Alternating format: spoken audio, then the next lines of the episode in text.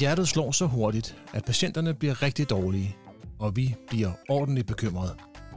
Hvornår skal vi give medicin? For det er ikke den eneste behandlingsmulighed, vi har. Hvornår skal vi behandle med kerosismassage eller andre valsalva-manøvrer? Og hvornår skal vi bare se at komme afsted, når vores muligheder er udtømte? Når du har en patient, der er en eller anden årsag af fyldningspåvirket, og det er hele humlen, find ud af, om patienten er fyldningspåvirket. Vi skal snakke om en af de meldinger, vi møder oftest. Eller rettere, en af de symptomer, der gemmer sig bag hjertebanken. Patienten kan mærke sit hjerte, eller når patienten siger, det føles som om hjertet er på vej ud af brystet på mig. Det er meldinger og sætninger, vi alle har hørt en del gange, eller jeg mig ind i hvert fald. Vi skal snakke om takykardi. Nemt og enkelt, og med et værktøj, der giver dig og mig mulighed for netop at vide, hvornår jeg skal give medicin, og hvornår jeg skal tilkalde læge eller køre hurtigt på hospitalet. Mit navn er Ulrik Jørgensen. Jeg er paramediciner i en helt almindelig ambulance i Region Sjælland. Velkommen til IMS Podcast.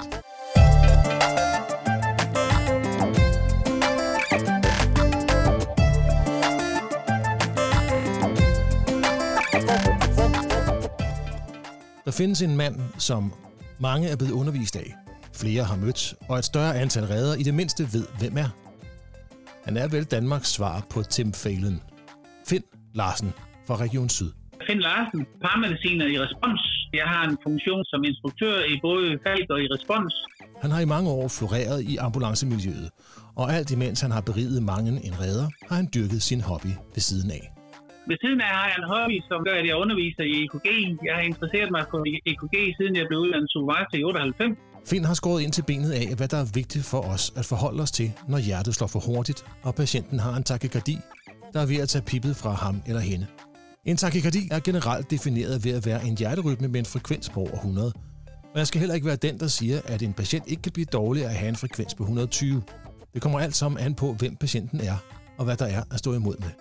Men dem vi gerne vil have mere styr på, og dem vi gerne vil gøre noget for, er dem, der har et hjerte, der slår så hurtigt, uanset hvor hurtigt det end måtte være, selvom det generelt er over 150 gange i minuttet, at de får det skidt. Hvis du har en patient med en frekvens på 210, og du kan palpere en puls på 70, så siger folk til mig, jamen det, det, det er bare elektricitet, men hans puls er 70. Nej, hvis komplekserne er regelmæssigt, så slår hjertet fuldstændig regelmæssigt med en frekvens på 210. Det er bare kun hver tredje gang, det er når du kommer så meget blod ned i, at du kan åbne aortaklappen. For at, at pumpe blod ud, kræver det to ting. Det kræver en øh, tilpas mængde blod, og så kræver det en øh, sammentrækningskraft. Og hvis sammentrækningskraft er der, men der ikke kommer blod nok ned i, at hjertet skal åbne sig tre gange, før det er så blod, meget blod ned i det, at det kan nå at pumpe det ud, så får du den patient, som er fyldningspåvirket. Det hele handler om, at hjertet skal kunne fylde sig selv, hver gang det slår. Det giver mening. Og vi skal huske på, at det rørsystem, vi har inde i os, altid er logisk sat sammen. En pumpe og et rørsystem. Nemt og lige til. For det meste. Der er to ting i det. For det første, som Finn siger, kan der opstå en forskel på den mærkbare puls og den, vi kan se på skopet, hvilket sagtens kan være et udtryk for, at der er en fyldningsproblematik i hjertet. Altså at det kun er hver anden eller måske tredje impuls, der rent faktisk giver sammentrækning nok og fylde nok i selve hjertet til at kunne generere en puls. For det andet, hvis patienten præsterer et pænt blodtryk, på trods af en takyarytmi, der giver en forskel i følbar puls, og det vi ser på skopet, kan det være et resultat af patientens kompensatoriske reaktion. En reaktion på det kardielle chok. I begge tilfælde er hjertet udfordret af to ting. Et stort forbrug af energi på grund af den hurtige frekvens, og en lille tilførsel af energi til hjertets eget muskelarbejde på grund af den korte fyldning i hjertet. Så, kig på patienten. Hvis de har det dårligt, så er det vores primære bekymring, som vi skal forholde os til. Du skal tilgå patienten på en fornuftig måde og finde ud af hans kliniske parametre. Langt de fleste takykardier mellem 100 og 150 er ligegyldige. Det passer ikke, fordi de kan udvikle sig. Og så skal du identificere de underliggende årsager. Og samtidig med, at du gør det, så skal du selvfølgelig sørge for, at patienten har en fri luftvej, at han trækker vejret fornuftigt, altså monitorere hans hjerterytme og øh, blodtryk. Det er de ting, du skal bruge for at finde den underliggende årsag også. Fordi patienten har jo en takykardi, hvis frekvensen er over 100. Og hvis han har en, en hjertefrekvens på mere end 150, så har han en takyarytmi. Og hvordan gør vi så det? uden at det hele går op i VPV, re-entry takykardier, nodale problematikker osv. Vi gør det nemt og enkelt for os selv. Så nemt som vi kan, vel at mærke. Du skal ikke kunne skelne mellem de mange takykardier. Men hvis ikke det er så vigtigt at kunne alle navnene på takykardierne, hvad er så vigtigt? Det, det vigtige det er, at du kan se forskel på, om den er smal eller den er bred. Hvis den er smal, så kommer den opfra, og hvis den er bred, så kommer den i langt de fleste tilfælde nedefra. Og kan du lave det skæld, så er du rigtig, rigtig godt med. Hvorfor er det et vigtigt skæld at kunne lave? Hvis patienten har en øh, venstregulær takykardi, altså patienten har en rytme, som er regelmæssig, den er bredt øget, den har en frekvens over 100, og der er ingen synlige p-takker, så er det per definition en venstregulær takykardi.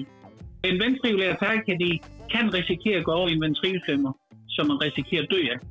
I langt de fleste tilfælde har en superventrikulær takykardi ikke det potentiale, og det passer ikke helt, for hvis den kører så hurtigt, at patienten får iltmangel, øh, så kan patienten derved få arytmier, som går over i ventrikelflimmer. Jeg forventer, at en patient med en atrieflimmer har en takykardi. Sådan en takykardi vil jeg aldrig regne for at være farlig. Jeg forventer også, hvis jeg kommer ud til en patient, der er febril, altså har feber, at øh, den patient vil være takikard, uden at den er farlig. Og der er det vigtigt for mig at kigge efter, at det er en sinus takykardi. Det vil sige, det er smalle komplekser, og der er en p-tak foran. Så længe de ligger mellem 100 og 150, er jeg aldrig bekymret for dem. Det er, når, når frekvensen på øh, vores takykardi kommer op over de 150 og giver fyldningsproblemer. Det vil sige, at man risikerer at have et hjerte, der trækker sig sammen eksempelvis 180 gange i minuttet, men det er kun hver anden eller hver tredje gang, at det når at komme så meget blod ned i, at når hjertet trækker sig sammen, at det kan pumpe, øh, levere så højt et tryk, at det kan åbne aortaklappen og pumpe blod ud i kredsløbet. Så I har en patient, hvor I kan palpere en puls i radialis, eksempelvis på 90, men patientens hjerte slår med en frekvens på 180. Så er det farligt, fordi den patient er fyldningspåvirket.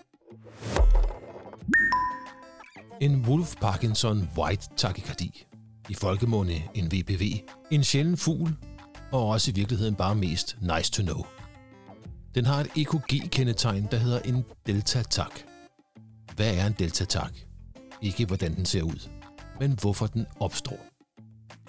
Tryk på pause, tænk lidt over det, eller google det, hvis du kan nå det.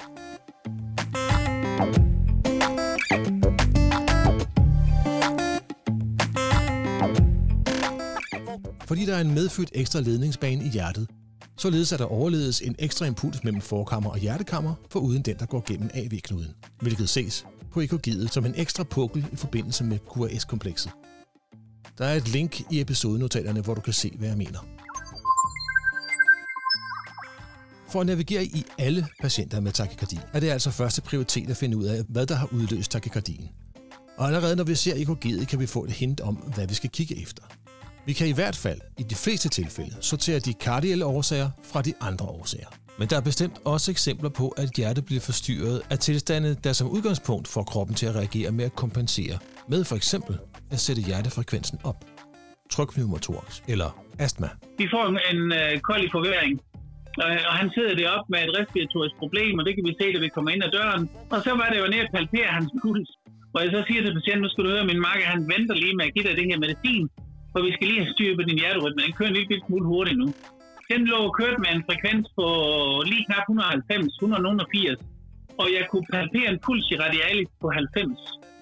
Øh, det vil sige, at det ville kun være anden gang hjertet slog, at det var fyldning nok til at åbne aortaklappen og pumpe blod ud i kredsløbet. Så han var cirkulatorisk påvirket. Hvor jeg så siger til ham, har du nogensinde været ude at flyve? Øh, ja. Kender du det, man får sådan trykken på ørerne? Ja, det kender han godt. Så nu prøver du lige at lade som om, du har sådan en tryk på ørerne. Så holder du dig for næsen, og så prøver du at skabe et tryk, øh, så du udligner det tryk, der er oppe i dine ører. Prøv lige at gøre det. Det gjorde han så to gange, uden nogen effekt. Så siger det patienten, prøv lige at gøre det, det en gang til.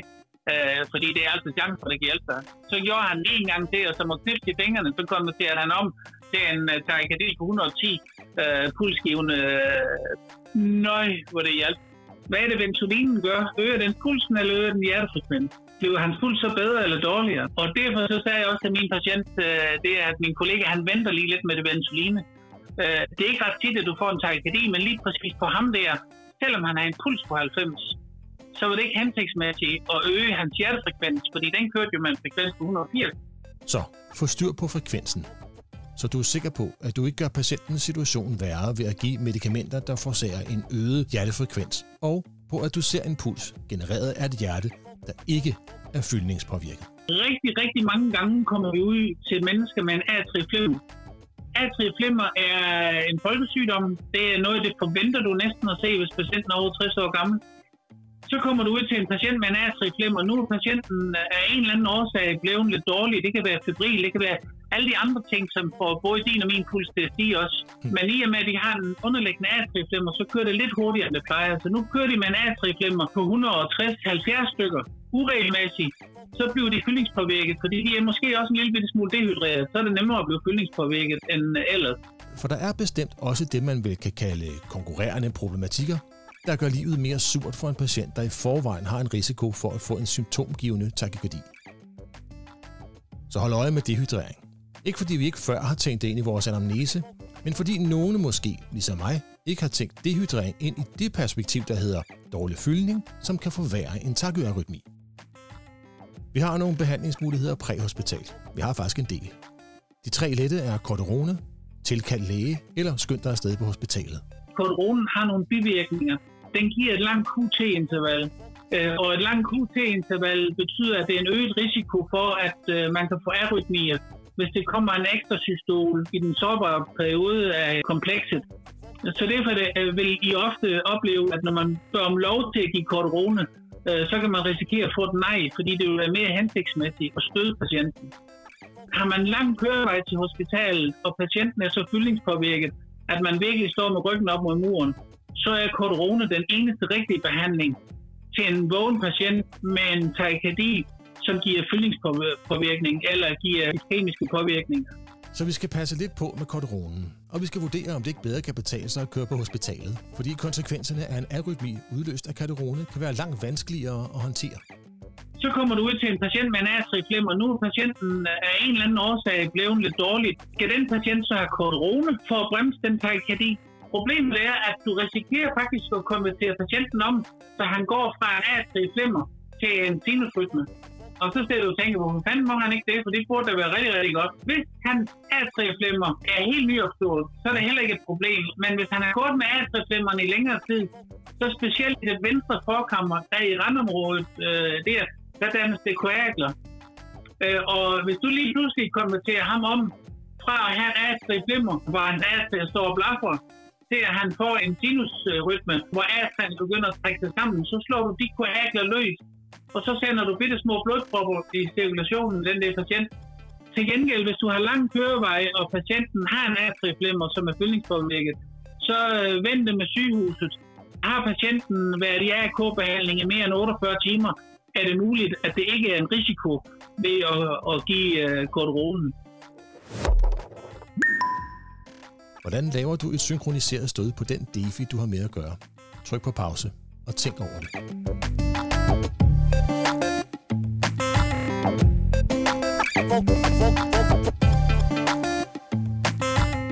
Det er jo forskelligt fra region til region, men maskinen kan i de tilfælde, hvor den er i stand til at lave et synkroniseret stød, selv finde nøjagtigt det sted i hjertecyklus, hvor det er mest hensigtsmæssigt at støde.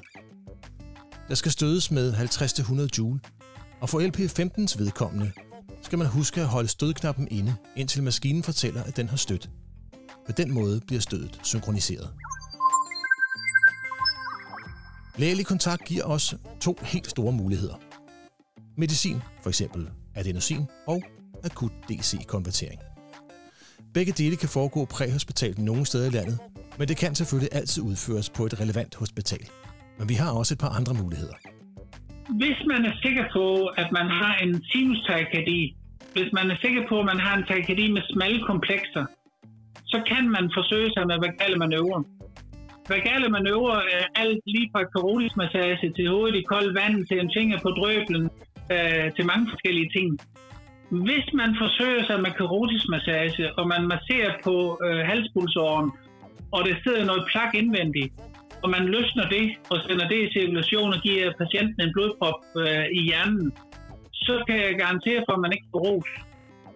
Hvis man i min verden skal forsøge med vagale manøvrer, så skal det være den modificerede manøvre. Det er den metode, den legale manøvre, som har vist sig at være mest effektiv for de fleste patienter.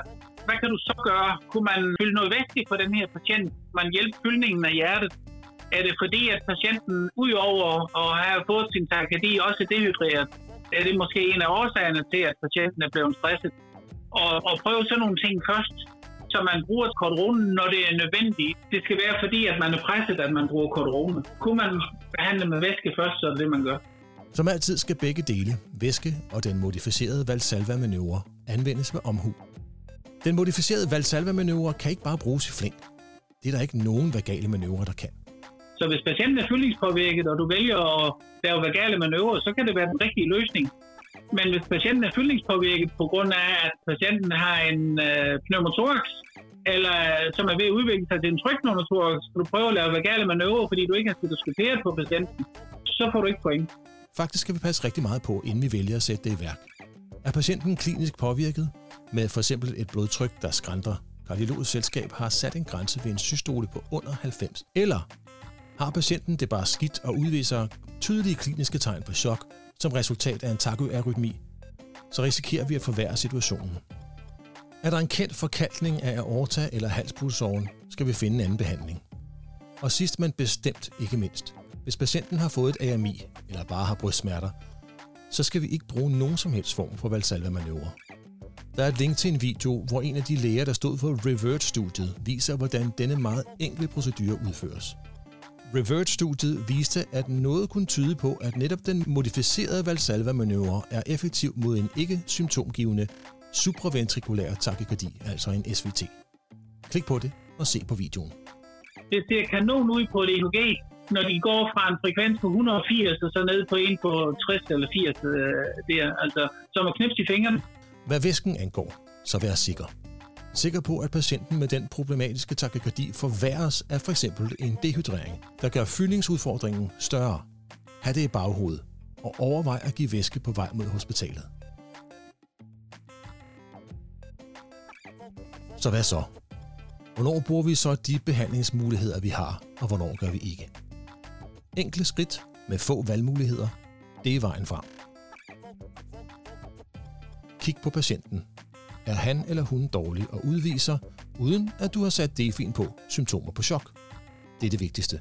Hvordan ser patienten ud? Er der en synlig p-tak foran alle QRS-komplekserne, så er der tale om en sinus takykardi. Og så vil der i de fleste tilfælde være en anden underliggende årsag end en kardiel. Find den og behandle den.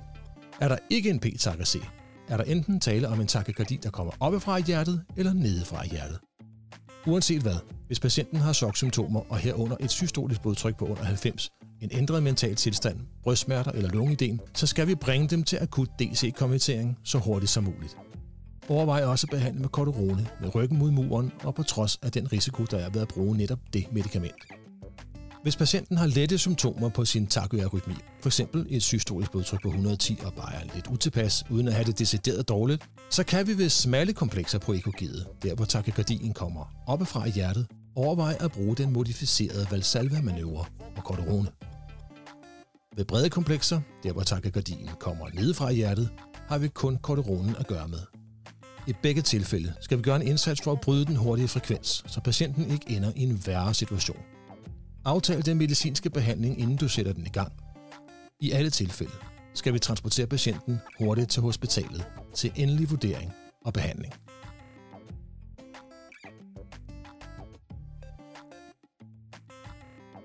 Det er nemt. Der er få skridt. Men selvom det skulle være nemt at huske, så er det som altid ikke et krav. Jeg får i hvert fald brug for noget, jeg kan slå op i. Derfor er der link til et flowchart, uanset hvor meget vi hader den slags, der nemt kan håndteres på telefonen, hvis du mangler en hjælpehjerne som mig. Næste gang. In the United States alone, more than a quarter million people die of sepsis each year. And that's more than breast cancer, prostate cancer, and AIDS combined. So certainly bigger and bigger numbers.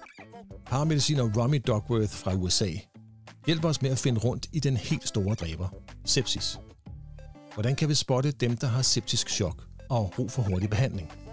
Og hvorfor er det en god idé, at vi i ambulancen sparker behandlingen i gang så hurtigt som muligt?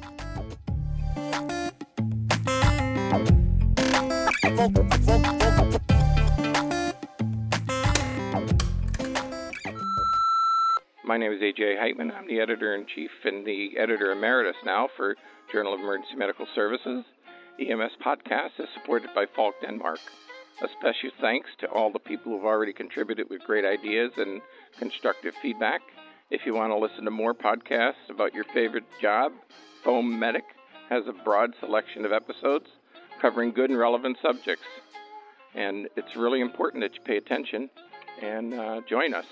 The podcast wields a service that gives you the opportunity to catch up on your ambulance medical reading without having to slave through another brick of teaching books.